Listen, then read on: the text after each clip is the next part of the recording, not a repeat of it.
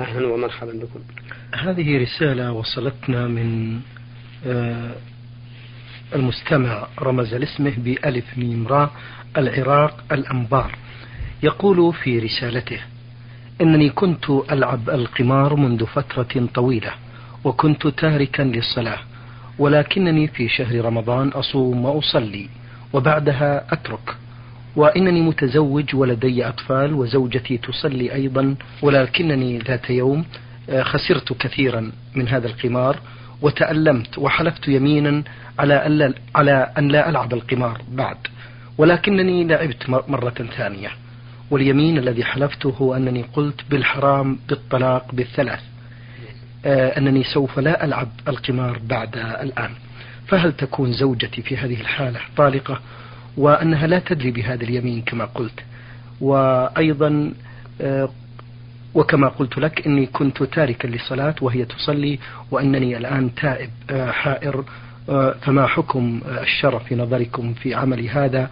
وأنا أريد التوبة وإنني الآن بدأت بالصلاة وتركت القمار أرجو الإجابة على سؤالي مع التقدير. الجواب على هذا السؤال هو أن القمار هو الميسر. الذي حرمه الله عز وجل وقارنه بالخمر وعبادة الأوثان حيث قال جل وعلا يا أيها الذين آمنوا إنما الخمر والميسر والأنصاب والأزلام رجس من عمل الشيطان فاجتنبوه لعلكم تفلحون. إنما يريد الشيطان أن يوقع بينكم العداوة والبغضاء في الخمر والميسر ويصدكم عن ذكر الله وعن الصلاة فهل أنتم منتهون؟ والكسب الذي اكتسبته من وراء ذلك كسب محرم يجب عليك التخلص منه بالصدقة به تخلصا من إثمه لا تقربا به إلى الله عز وجل لأن التقرب بالمكاسب المحرمة لا يجدي شيئا. فالذمة لا تبرأ بتلك الصدقة والتقرب إلى الله تعالى لا يحصل بها. لأنه ثبت عن النبي صلى الله عليه وسلم أنه قال إن الله طيب لا يقبل إلا طيبا. إذا الواجب عليك نحو هذا هذا المكا... نحو هذه المكاسب فالواجب عليك نحو هذه المكاسب أن تخرجها من ملكك تخلصا منها وتوبة إلى الله عز وجل. وأما ما يتعلق بحلفك بالطلاق والحرام ألا تعود إليه أي إلى لعب القمار ثم عدت فإنه يجب عليك على القول الراجح من أقوال أهل العلم يجب عليك كفارة يمين وكفارة اليمين هي إطعام عشرة مساكين أو كسوتهم أو تحرير رقبة. وكيفية الإطعام؟ أن تصنع طعاما غداء أو عشاء ثم تدعو ثم تدعو هؤلاء العشرة حتى يأكلوا. أو تفرق عليهم أرزا أو نحوه مما هو من أوسط ما تطعم أهلك. لكل واحد من المساكين نحو كيلو. ويحسن أن تجعل معه شيئا يقدمه من لحم أو نحوه. وما دمت الآن قد تبت إلى ربك وندمت على ما جرى من ذنبك فاسأل الله تعالى الثبات على ذلك واحمده على هذه النعمة العظيمة. فإن التوبة من أجل نعمة الله على العبد. ولهذا امتن الله على عباده بالإسلام حيث قال عز وجل بل الله يمن عليكم أن هداكم للإيمان إن كنتم صادقين. وقال تعالى اليوم أكملت لكم دينكم وأتممت عليكم نعمتي ورضيت لكم الإسلام دينا. بارك الله فيكم. آه هذه رسالة وصلتنا من فخري عبد الله عبد السلام مصري ومقيم بالعراق الأنبار. يقول في سؤاله الأول نحن جماعة نعمل في البحر ووقت عملنا ينتهي قبل ظهور الشمس بساعة. هل من الأفضل أن نترك العمل ونصلي الفجر أم نكمل العمل ونصلي بعده؟ ما دام وقت ظهور الشمس لم يأتي أفيدونا. بارك الله فيكم. الجواب على ذلك أنه ما دمتم تنتهون من العمل قبل طلوع الشمس بساعة فإنه يمكنكم أن تؤدوا الصلاة في وقتها. ولا حرج عليكم إذا أخرتم الصلاة حتى ينتهي العمل. بشرط أن تخلصوا من الصلاة قبل أن تطلع الشمس. وذلك لأن تقديم الصلاة في أول وقتها على سبيل الاستحباب وليس على سبيل الوجوب. وترككم العمل للصلاة ربما يربك العمل وربما يكون هناك شيء تتضررون به. فإن لم يربك العمل ولم تتضرروا به فالأفضل لكم أن تقدموا الصلاة في أول وقتها. لأن النبي صلى الله عليه وسلم كان يقدم الفجر في أول وقتها. نعم. في رسالته الثانية آه، يقول جاء وقت صلاة الجمعة علينا ونحن في البحر نشتغل وبعد ميعاد الأذان للظهر بنصف ساعة خرجنا منه. هل يصح لنا الأذان وصلاة الجمعة نرجو إفادة بذلك. الجواب صلاة الجمعة لا تصح إلا في المساجد في المدن أو القرى ولا تصح من جماعة يشتغلون في بر أو بحر لأنه لم يكن من هدي الرسول صلى الله عليه وسلم أن يقيم صلاة الجمعة إلا في المدن والقرى. فقد كان عليه الصلاة والسلام يسافر الأيام العديدة ولم يكن يقيم صلاة الجمعة. وأنتم الآن في البحر غير مستقرين ولكنكم عمال تنتقلون يمينا وشمالا وترجعون إلى الأوطان وإلى البلدان. فالذي يجب عليكم إنما هو صلاة الظهر دون صلاة الجمعة. بارك الله فيكم. آه هذه رسالة من عثمان عبد العاطي جابر من جمهورية مصر العربية يعمل في العراق. يسأل عن شخص حلف على المصحف كذب في أيام الطفولة أي كان يبلغ خمس عشرة سنة ولكنه ندم على هذا بعد أن بلغ سن الرشد أي عرف أن هذا حرام شرعا فهل عليه إثم أو كفارة أفيدونا بذلك؟ بارك الله فيكم. هذا السؤال يتضمن مسألتين المسألة الأولى الحلف على المصحف لتأكيد اليمين. وهذه صيغة لا أعلم لها أصلا من السنة.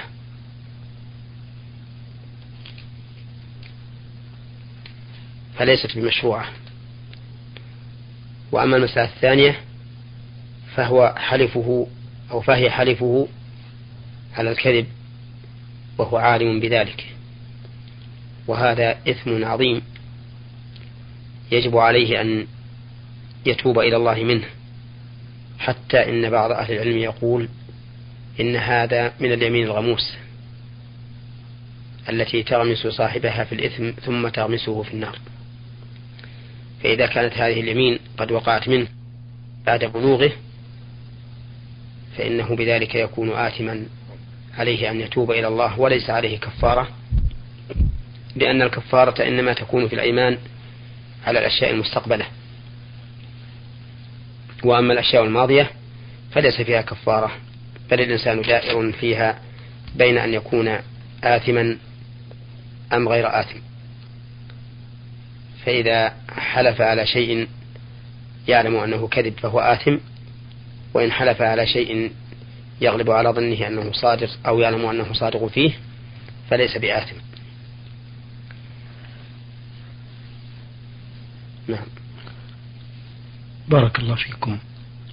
هذه رسالة من المستمع رمز لاسمه بألف ميم عين من جمهورية مصر العربية محافظة أسيوط يقول في رسالته كنت ناذرا بذبيحة لله واحتاج الأمر ولم يكن في البيت آه، غيرها. وبعتها بمبلغ 54 جنيه مصري من مدة أربع سنوات. والآن أريد أن أوفي النذر الذي نذرته. هل أشتري بالمبلغ ذبيحة أخرى؟ وهل علي إثم في عملي هذا؟ أرجو الإفادة ولكم من الله التوفيق. الجواب هذه الدبي... هذه الشاة التي نذرت لله عز وجل أن تذبحها إذا كان نذرك هذا نذر طاعة فإنه قد وجب عليك الوفاء به وتعينت هذه الشاة للنذر وبيعك إياها بعد هذا بعد ذلك غلط منك ومحرم عليك. وعليك أن تضمنها الآن بمثلها أو بما هو خير منها وأن تتوب إلى الله سبحانه وتعالى مما صنعت. فاذبح بدلها تقربا إلى الله عز وجل ووزعه على الفقراء ما دمت قد نويت أنها صدقة لله تعالى وليكن ما تذبحه مثل التي نذرت أو أحسن منها نعم. آه هذه رسالة من المستمعة ألف عين كاف من العراق محافظة القادسية. آه لها مجموعة من الأسئلة. السؤال الأول تقول هل من الواجب قضاء صلاة أيام الدورة الشهرية؟ وهل يجوز غسل الشعر فقط؟ تريد إفادة بذلك. أما الصلاة نعم الجواب على ذلك المرأة الحائض لا تقضي الصلاة بالنص والإجماع. لقول النبي صلى الله عليه وسلم أليس إذا حاضت لم تصلي ولم تصم؟ وسئلت عائشة رضي الله عنها ما بال الحائض تقضي الصوم ولا تقضي الصلاة؟ فقالت كانت فقالت كان يصيبنا ذلك فنؤمر بقضاء الصوم ولا نؤمر بقضاء الصلاة. وعلى هذا فالصلاة لا لا يجب على الحائض قضاؤها وأما غسل الحائض رأسها فإنه لا بأس به. أثناء الحيض. وما سمعت من أن ذلك لا يجوز فإنه لا صحة له. بل لها أن تصل رأسها وجسدها وما شاءت. ولها أيضا أن تستعمل الحنة في أثناء حيضها. ولا حرج عليها في هذا. نعم. أه تقول هل يجوز وضع الحنة في الشعر أثناء الصيام والصلاة؟ أه أيضا تقول لأني سمعت بأن الحنة تفطر الصيام. وهذا أيضا لا صحة له فإن وضع الحنة في أيام الصيام لا يفطر ولا يؤثر على الصائم شيئا. كالكحل وكقطرة الأذن وكالقطرة في العين فإن ذلك كله لا يضر الصائم ولا يفطره. وأما الحنة في أثناء الصلاة فلا أدري كيف يكون هذا السؤال. إذ أن إذ أن المرأة التي تصلي لا يمكن أن تتحنى. ولعلها تريد أن الحنة هل يمنع صحة الوضوء إذا تحنت المرأة؟ والجواب أن ذلك لا يمنع صحة الوضوء لأن الحنة ليس له جرم يمنع وصول الماء وإنما هو لون فقط والذي يؤثر على الوضوء هو ما كان له جسم يمنع وصول الماء. فإنه لا لابد من إزالته حتى يصح الوضوء. نعم. بارك الله فيكم. هذه رسالة من المستمع جمال علي جمهورية مصر العربية يقول في رسالته إنني كنت أعمل عملا شاق جدا ولم أستطع أن أستمر فيه فبدأت فلم, آه، فلم أستطع أن أستمر فيه. نعم. فبدأت أبحث عن عمل آخر أخف مشقة ولم أجد إلا عمل في شركة لصنع الدخان أو السجائر. وأنا الآن أعمل بها منذ بضعة شهور مع العلم بأنني لا أشرب السجائر ولا أي نوع من أنواع الدخان. والسؤال هو ما حكم الأجر الذي أتقاضاه مقابل هذا العمل؟ هل هو حلال أم حرام؟ مع العلم بأنني مخلص في عملي والحمد لله. الجواب أنه لا يحل لك أن تعمل في هذه الشركة التي تصنع السجائر. وذلك لأن صنع السجائر والاتجار بها بيعا وشراء محرم. والعمل في الشركة التي تصنعه إعانة على هذا المحرم. وقد قال الله تعالى في كتابه وتعاونوا على البر والتقوى ولا تعاونوا على الإثم والعدوان. فبقاؤك في هذه الشركة محرم. والأجرة التي تكسبها بعملك محرمة أيضا. وعليك أن تتوب إلى الله وأن تدع العمل في هذه الشركة. والأجرة اليسيرة الحلال خير من الأجرة الكثيرة الحرام لأن الرجل إذا اكتسب مالا حراما لم يبارك الله له فيه وإن تصدق به لم يقبله الله منه. وإن خلفه بعده كان عليه غرمه ولورثته من بعده غنمه. واعلم أنه قد ثبت عن النبي صلى الله عليه وسلم أنه قال إن الله طيب لا يقبل إلا طيبا وإن الله أمر المؤمنين بما أمر به المرسلين. فقال تعالى يا أيها الرسل كونوا من الطيبات واعملوا صالحا إني بما تعملون عليم. وقال تعالى يا أيها الذين آمنوا كلوا من طيبات ما رزقناكم واشكروا لله إن كنتم إياه تعبدون. وذكر الرجل يطيل السفر يمد يديه إلى السماء أشعث أغبر يمد يديه إلى السماء يقول يا ربي يا رب ومطعمه حرام وملبسه حرام وغذي بالحرام. قال النبي صلى الله عليه وسلم فأنا يستجاب لذلك. فاستبعد النبي صلى الله عليه وسلم أن يستجاب لهذا الرجل الذي قام بأسباب إجابة الدعاء وذلك لأن مطعمه حرام وملبسه حرام ومشربه حرام وغذي بالحرام. فإذا كان هذا الداعي مع وجود أسباب إجابة الدعوة يبعد أن يستجيب الله له لكون هذه الأمور حراما في حقه فإنه يوجب للإنسان العاقل الحذر الحذر من أكل الحرام والبعد عنه. ومن يتق الله يجعل له مخرجا ويرزقه من حيث لا يحتسب. ومن يتق الله يجعل له من أمره يسرا. فنصيحتي لك أيها الأخ أن تتقي الله عز وجل وأن تخرج من هذه الشركة وأن تطلب رزقا حلالا ليبارك الله لك فيه. بارك الله فيكم. هذه رسالة وصلتنا من المستمعة أمل عبد الكريم من العراق محافظة القادسية. تقول في رسالتها ما حكم الشرع؟ في نظركم في غسل الوجه والأيدي في الصابون عند الوضوء? الجواب أن غسل الأيدي والوجه. في الصابون عند الوضوء ليس بمشروع بل هو من التعمق والتنطع. وقد ثبت عن النبي صلى الله عليه وسلم أنه قال هلك المتنطعون هلك المتنطعون قالها ثلاثا. نعم لو فرض أن في اليدين وسخا لا يزول إلا بهذا أي باستعمال الصابون أو غيره من المطهرات المنظفات فإنه لا حرج في استعماله حينئذ. وأما إذا كان الأمر عاديا فإن استعمال الصابون يعتبر من التنطع والبدعة فلا تستعمل. نعم.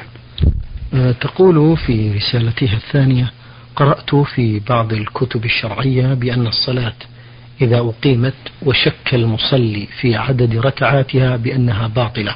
وفي بعض الكتب تقول بأنه إذا شك المصلي يسجد ركعتين بعد انتهاء الصلاة. أه، فما هو الصحيح بذلك؟ أه، في دون مأجورين. الجواب الصحيح في ذلك أن الصلاة لا تبطل. لأن هذا الشك يرد على الإنسان كثيرا بغير اختياره.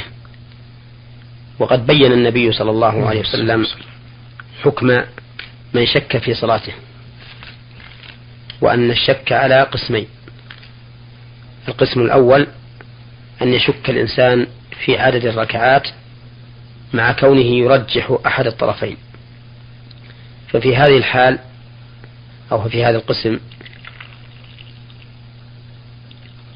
يبني الإنسان على ما ترجح عنده فيتم الصلاة عليه ويسلم ويسجد للسهو بعد السلام. وأما القسم الثاني فهو إذا شك الإنسان في عدد الركعات ولم يترجح عنده أحد الطرفين ففي هذه الحال أو في هذا القسم يبني على الأقل لأنه متيقن والزائد مشكوك فيه فيتم على الأقل ويسجد للسهو سجدتين قبل السلام. ولا تبطل صلاته بذلك. هذا حكم الشك في عدد الركعات.